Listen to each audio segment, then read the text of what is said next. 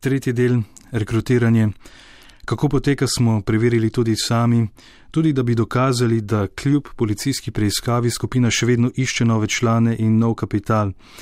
V nadaljevanju vdaj boste slišali rekonstrukcijo, novinar, potencijalni vernik je nesrečen, ima težave v zvezi, išče spremembo.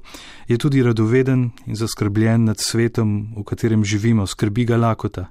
Mnenje mentorja naj se za lačne ne zmeni. Ni se smiselno sekirati, zakaj je toliko lačnih. So in pika.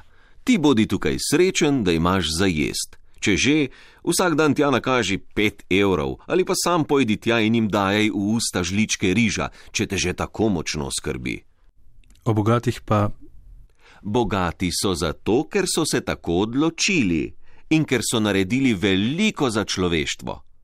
Finančne težave, te so posledica težav z energijo. Nenehno je poudarjal pozitivno energijo in svaril pred pomankanjem lete. Če vam paše, da boste še naprej gledali slabo, izvolite kar naprej. Sčasoma boste vi zboleli. Mora človek dobiti raka na celem črevesju, po celem telesu, da mu bo kliknilo? Tudi čut za pravičnost in krivičnost ubija. Treba se je spremeniti, se nasmejati in biti miren. Kako to naredi, povedo na delavnici. Naslednja bo 9. maja. Začetna 20-urna delavnica, ki traja 3 tedne, stane 720 evrov. Cene nadaljnih so seveda više. Ampak o tem se potem pogovarjamo. Stane pač, jaz porabim svoj čas in svojo življenjsko energijo za to, da vam pojasnim, kako je življenje lepo in vam na pol prazen kozarec napolnim, da bo na pol poln. Vse to naj vam dam jaz za ston? Pozabljamo, danes ni nič za ston. Problem novinarja je energija, to je povezano z denarjem.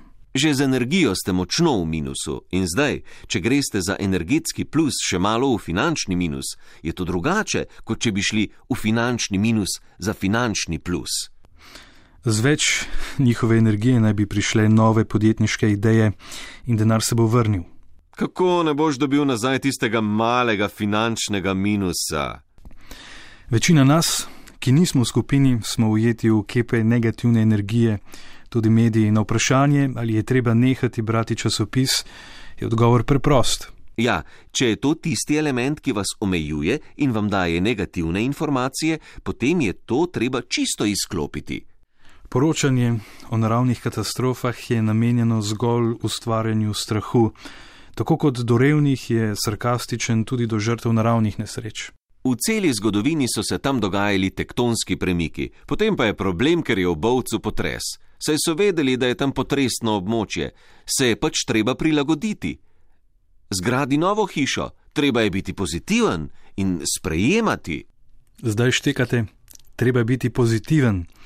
Mediji izvajamo nasilje tudi pri poročanju o njih. Nekateri, ki niso pri nas niti bili, ali pa se jim je kaj zgodilo, so si malo po svoje razlagali stvari niti ni treba, da se sploh o njih pogovarjamo, ker nima smisla, res. Škoda časa in energije za to, da bi razlagali.